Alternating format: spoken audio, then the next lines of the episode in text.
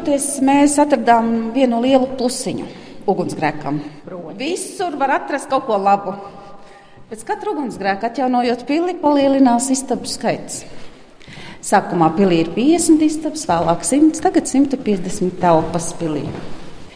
Dundagas pils ugunsgrēku piedzīvoja divas reizes - 1872. gadā, kad pāri palika tikai apdeguši mūri, un 1905. gadā, kad nemiernieki no kaimiņu pagastiem samet pa pils logiem iekšā degošus vīkšķus, un milzu nams izdeg daļēji. Laika gaitā Dundagas pils ir piedzīvojis neskaitāmas pārbūves un daudzus saimniekus, un arī gadsimtiem ilgi tā ir vilinājusi turistus kā viena no vecākajām un lielākajām Ziemeļkurzemes pilīm.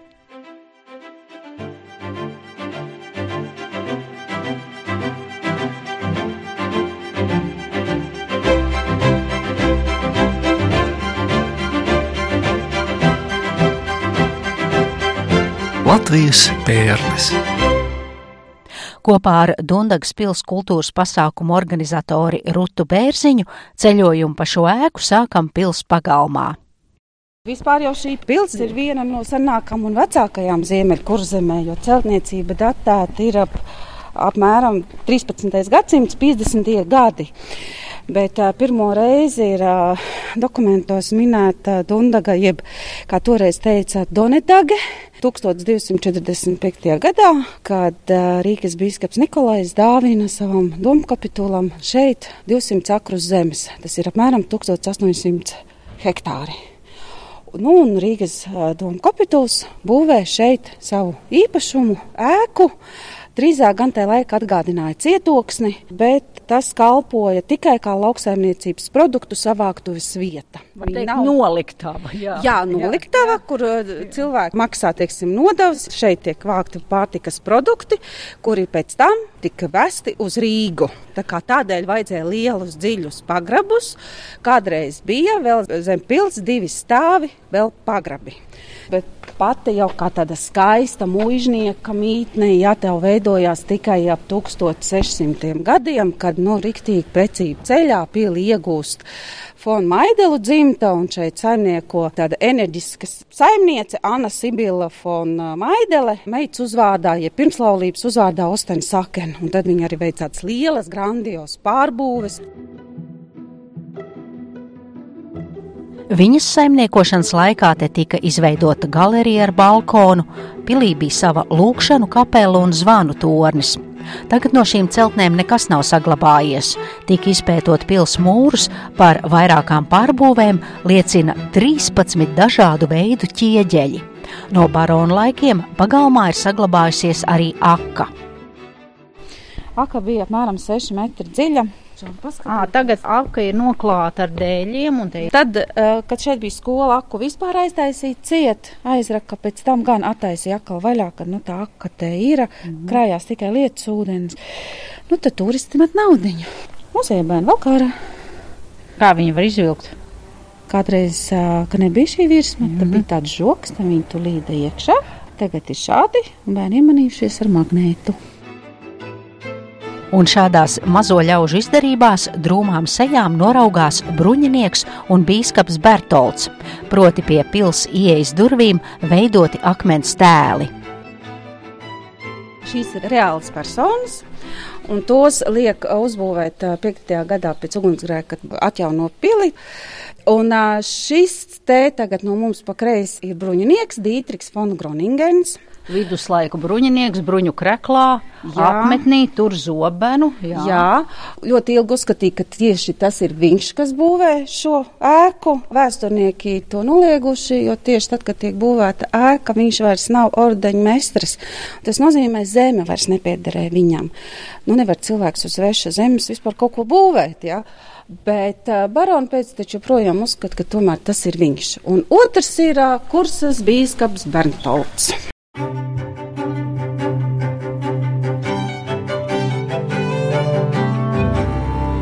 Latvijas pērles. Durvis, protams, ir vecās, tās joprojām ir barona laika durvis. Lai gan man vienmēr durvis patīk no otras puses, no eņģu puses. Man eņģis ļoti patīk. Tad rādiet man eņģis. Te ir ko redzēt, eņģis No čūnas pieņēmu greznas eņģes, à, un durvju pildiņi, jā, ir dekoratīvi. Cik tās eņģes ir? Nē, nu, metrs nebūs. Es pārspīlēju, nu, kaut kādi 60 cm. 60, 70 centimetru garas, čugunā kaltas, dekoratīvas eņģes, un tās ir nu, no 1900 plus mīnus 5. 6. gada. Tā, un, protams, visus, visus cilvēks pirmais, ko viņš ierauga, ieejot pilī, tās ir šīs lielās ozola koka kāpnes, kur arī var redzēt, kur visvairāk staigā. Tā jau ir tā skaisti nomīdīta ar tādu iedobu, ar šādi koka siena paneļi šeit ir bijuši. Arī tādi tumši visi, jā. jā. jā. Čikstošās durvis šeit jau ir. Šeit jau ir neliela izstāžu zāle kur var uh, iepazīties gan ar vēsturi, gan ar fotografijām, kā tā ir pilsēta izskatījusies dažna, dažādos laikos. 19. gadsimta 60. gados te var redzēt senu gravīru, kāda ir izskatījusies pilsēta. Nu, tornis. Tornis, tornis ar visu gāju. Nē, tas gailis tur bija vai kas tur karoks ir? Drīzāk karoks. Jā. Un uh, izrādās tas ir tas pats Rūperts Bindešu. Viņš Dundagu apmeklējis apmēram kāds piecas reizes līdz torņa celtniecībai. Un uh, viņš ir arī šī torņa arhitekts. Skaidrojums. Ruperts Bindešu bija viens no ievērojamākajiem Rīgas baroka arhitektiem, darbojās 17. gadsimta otrajā pusē. Plašāk pazīstams kā Rīgas svētā Pētera baznīcas torņa projekta autors. Fotogrāfijās jau var arī redzēt ar visiem aprakstiem. Tie ir katram īpašniekam, saimniekam, kam piederējusi ir šī pilsēta. Tas ir no 13. gadsimta, ir savs ģerbons. Pavisam viņi ir bijuši septiņi. Sākot jau ar Rīgas domu kapitulu, tālāk jau kurzemes bīskapija. Jā, un, un tālāk jau tā katrā Dānijas karalis Frederiks, kas vēlāk atdāvina savam brālim Hercogam Magnusam pili, un uh, Martins Berzevits pils īpašnieks. Tālāk jau ir uh, Fon Bīlovu dzimta un Maidelu dzimta un Pa vidu vārtiem jau ir lielais ģerbons, kas ir barona Ostaņsakena dzimtas ģerbons. Bet te es saprotu, arī var aplūkot senvēsturi. Proti, te ir eh, arheoloģisku izrakumu fragmenti, trauku lauskas.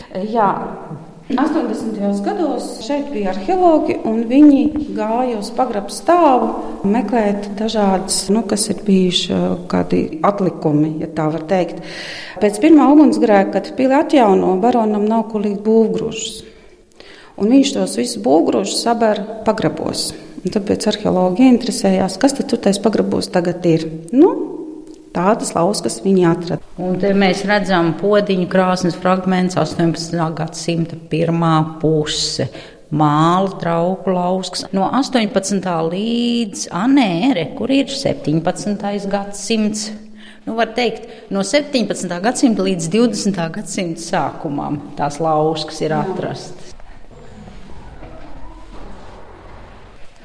Tagad dodamies pa kāpnēm augšā. Dodamies pa kāpnēm augšā jau uz galveno, uz baronu stāvu. Galvenais ir bijis barons stāvs. Trešais tika dēvēts par rezerves stāvu. Tur bija guļamistabs priekš viesiem. Paši baroni gulēja. Šeit nu, mēs esam uznākuši jau uz otro stāvu un pie pašām durvīm ir arī uzraksts naktas mītne. Šeit ir istabiņas jau, kur viss gals bija baronam guļam istabas. Šādā anfilādē viss izbūvēts, ja caur, cauri. Tur joprojām ir saglabājusies vecā barona vanna. Turisti gan mēs viņus mēs nelaižam, ne, nē, mēs varam apskatīt, bet tā, ka turisti nāk iekšā, mēs tomēr nelaižam, un te ir naktsmītnes. Mācību gadu laikā šeit dzīvo skolēni, kas mācās Dunkas vidusskolā, bet dzīvo tālāk, piemēram, Kolkā, Pūņās vai vēl, vēl citās vietās, bet nevar aizbraukt uz mājām, tad šeit viņi dzīvo. Johānas istaba, bet tie nosaukumi ir saglabājušies. Kad izremontēja, bija, bija projekts un izremontēja visu šo, šo daļu. Un pirms remonta bija istabiņa 1, 2, 3, 4, 5. Bet eh, vēlāk mums šie cipari kaut kā negāja vairs iekšā tajā interjerā. Un tad atcerējāmies, bet šeit taču bija guļamistabs. Mēs nosaucām bērnu vārdos pēdējā Barona Kristiāna Ostensakena un Luīzes bērnu vārdos. Kāpēc tur ir Johānas istaba, Rūtas istaba? Ulriha. Un šī ir bijusi vannas istaba. Lūk, ir vecā barona vanna. Šī Jā, daudz saka, vai kāda maziņa? kāda maziņa un, un Dziļa. Ar baltām flīzēm no ārpuses. Tās ir oriģināls. Bieza tā vanna. Šīs arī ir oriģinālās. Ā, sienas flīzes. Tās Tas jau ir atjaunotas pēc vecā raksta. tā, iemūžināsim, jo mūs arī klausās un skatās internetā. Un tie, kas šo raidījumu grib arī apskatīt, tie varēs arī pie šī raidījuma apraksta redzēt fotografiju, kur ir no pēdējo Ostenzakenu dzīvošanas laikiem saglabājušās vannas istabā oriģinālās flīzes. Gaišas krēmkrāsas flīzes ar eh, ziliem geometriskiem rakstiem, jā, tad zili rombiņi.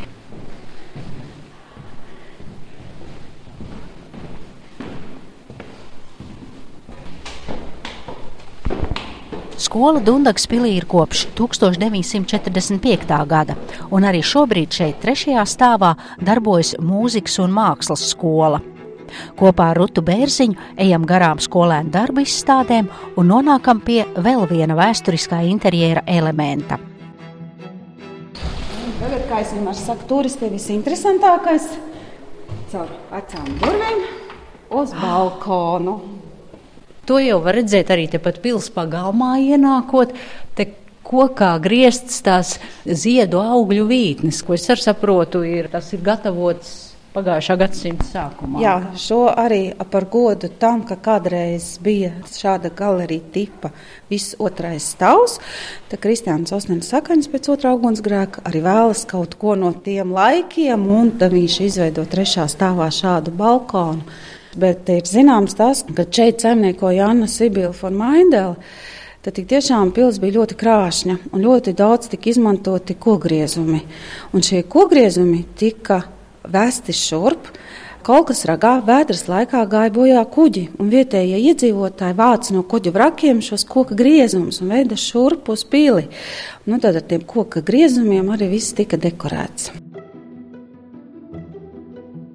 Blakus un visapkārt pagalmām ir sekta galerija, kas balstās uz kolonnām un no kuras varētu noraudzīties lejup uz manēžu. Uz šo balkonu augšup ved lielas smagnējas trepes. Pāris kokā grieztu izkrāsotu galvu, kas noņemtas no avarējušiem kuģiem, stāv uz katra staba blakus kāpņu sākumam. Viena no galvām, kā redzams no bruņu cepures, attēlo pallasu. Tomēr tā, tāpat kā kaimiņš, veselīgs holandietis, valkā apaļu parūku. Abas ir izplēstas no to pilīm, ko sadragājusi jūra, nogādātas sausumā, un tagad tām ir jāapsargā vecais cietoksnis. Tā par Dunkas pilsētas izskatu 1809. gadā izdotajā darbā Gleznaini ceļojumu pa kurzemi rakstīja vācu dzinieks barons Ulrichs von Šlipenbachs.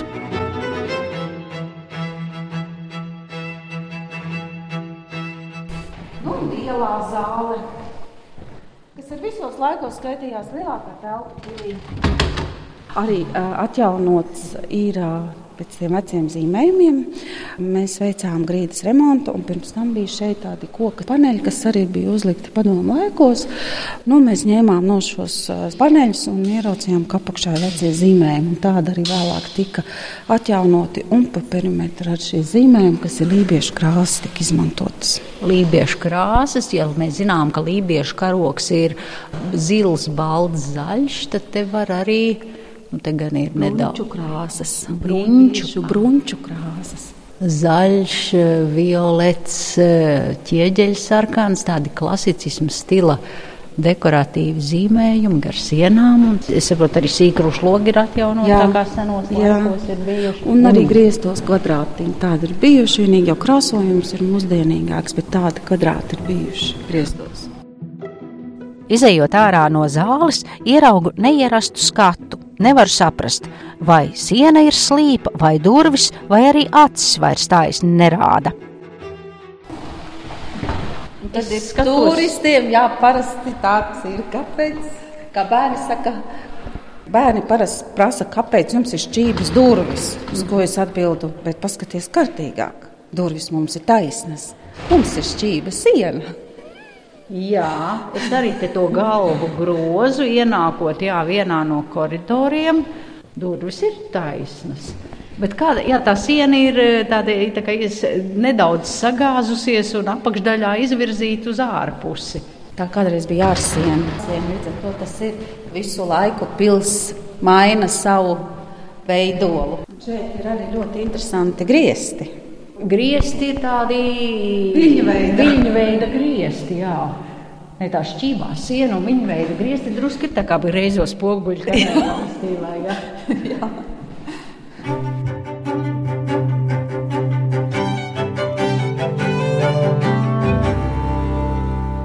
Tālāk izējām ārpusē, kur ir dzirdama rosība pils parkā, kur vēl aizvien aug vēsturisks ozols. Vēlāk, gan, protams, izveidojās tāds skaists parks, apmēram 21,4 hektāri liels. Un parka viņā galā ir naudas ozols. Naudas ozols. Naudas ozols, ko glaznotājs Grimbergs bija attēlojis uz 100 rubļiem. Tā ir pirmā papīra banknota, kas iznāca 1919. gadā. Un ozols vēl joprojām trauka. Daudz viņu jauca pieclatnieku, bet nē, mums bija 100 rubļiem. Dundagas pils arī ir zināma ar savu teiku par zaļo jumprau, kas ir iemūrēta pils sienās, jo pretēji aizliegumam ir noskatījusies rūtīšu kāzas un tā sodīta par savu ziņkārību. Cik ļoti baroni Ostenzakeni ir ticējuši leģendai, nav zināms, bet ir zināms fakts, ka pils sienā uz iemūrēta akmens izcīņa augošo bērziņu Ostenzakeni gan ir bažīgi vērojuši, jo saskaņā ar leģendu šim kociņam ir bijusi saistība ar pils mantiniekiem. No tā bērziņa, kas tur auga? Vai? Jā, nu, šūpuļu līksts bija jāizgatavo. Ja baroniem nebija mantinieku, un tad ir tā teikt par zaļo jumprau, kur viņi noskatījās rūtīšu skās, kas bija stingri aizliegts. Un par to, ka viņa tomēr to ir izdarījusi, tad viņa tika iemūrēta pilsmūža sienā, bet rūtīši pateica, ka tas lāsts, ka viņiem nebūs šot mantinieki baroniem, beigsies tikai tad, kad no bērziņa, kas aug uz akmens, un akmens atrodas pilsmūža sienā, kad no tā varēšu izgatavot šūpuļu līksti. Kociņš auga, barons ļoti kopa, bet tomēr kociņš sāk nīkt. Tad gan viņš ņēma no to kociņu un uztaisīja mazu, mazu šūpulīti, kur jau tas bērziņš derēja, jo pa izmēriem jau runa negāja. Nu, tad arī piedzimst pirmais mantinieks. Tas ir piedzimis Kristiāns Ostensakens. Līdz tam bērnu nav bijuši. Vienīgi Annai Sibilai un Maidelei, bet Elizabetei mazajai bija pieci gadiņi, kad viņa mirst. Līdz ar to šī mantinieka problēma šeit bija ļoti, ļoti aktuāla. Tad es jūs ievedīšu vietā, kur es parasti saku, varbūt nebūs tā skaistākā daļa, bet savā ziņā interesantākā, jo tā tik tiešām būs vecā pilsēta. Vodens caurulis. Mēs neesam pagaidām, tas ir pagaidām. Tas ir pirmais stāvs. Pirmais stāvs. Vodens caurulis. Koka, ūdens, kanalizācijas vai ūdens noteku caurulis pamatīgas. Cik tas diametrs tai caurulē? Man vienmēr ir izbrīnu, vienmēr es gribu zināt, kā viņi dabū to caurumu tādā lielā kokā. Jā, tādā perfekti. Koka bluķī tieši pa vidu ir izurts caurums. Bet uh, mums uh, bija viesos atbraukusi uh, Rutas Ostensakens meita, kura prasīja mātei, lai viņa uzraksta atmiņas par to laiku, kad viņa kā bērns bija Dunkas pilī dzīvoja. Un tad tā māte atcerās, ka šī telpa, eh, šī telpā mazgāja bērnus. Te bija bērnu vannas istaba, kur mazgāja bērnus. Tad viņus satina segā vai kādā dvielī. Viņa atcerās, ka bija diezgan augsts, jo bija jāiet uz virtuvi, kas atrodas šeit pat blakus, ēst Aleksandra kūku. Tas bija tāds rituāls. Un tur jau var iet, apskatīties, kas tad ir palicis bišķi no pagraba. Nokļūstu pazemē, tad ir kaut kādi vai krāsnes fragmenti. Jā. Te ir tāds neliels dīķīts pazemes, kurā peld ķieģeļi. Tad es cik dzidrs ūdens. Un šīs velves, kas tur Jā. ir redzamas, tās ir tad pats droši senākais. Jā, jā, un tad droši vien. Tad mēs tagad esam nokāpuši viduslaiku. pieciem pakāpieniem iekāpām viduslaikos. Jā. Tad šeit ir tiešām Dundagas pils senākā daļa aplūkojama šobrīd. Zem bērnu vannas istabas, kas barona laikā bija.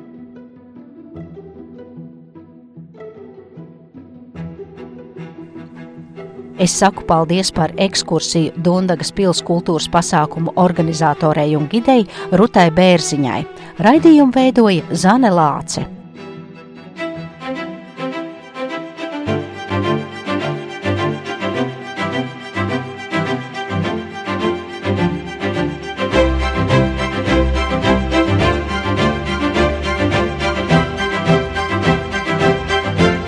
Latvijas pērles.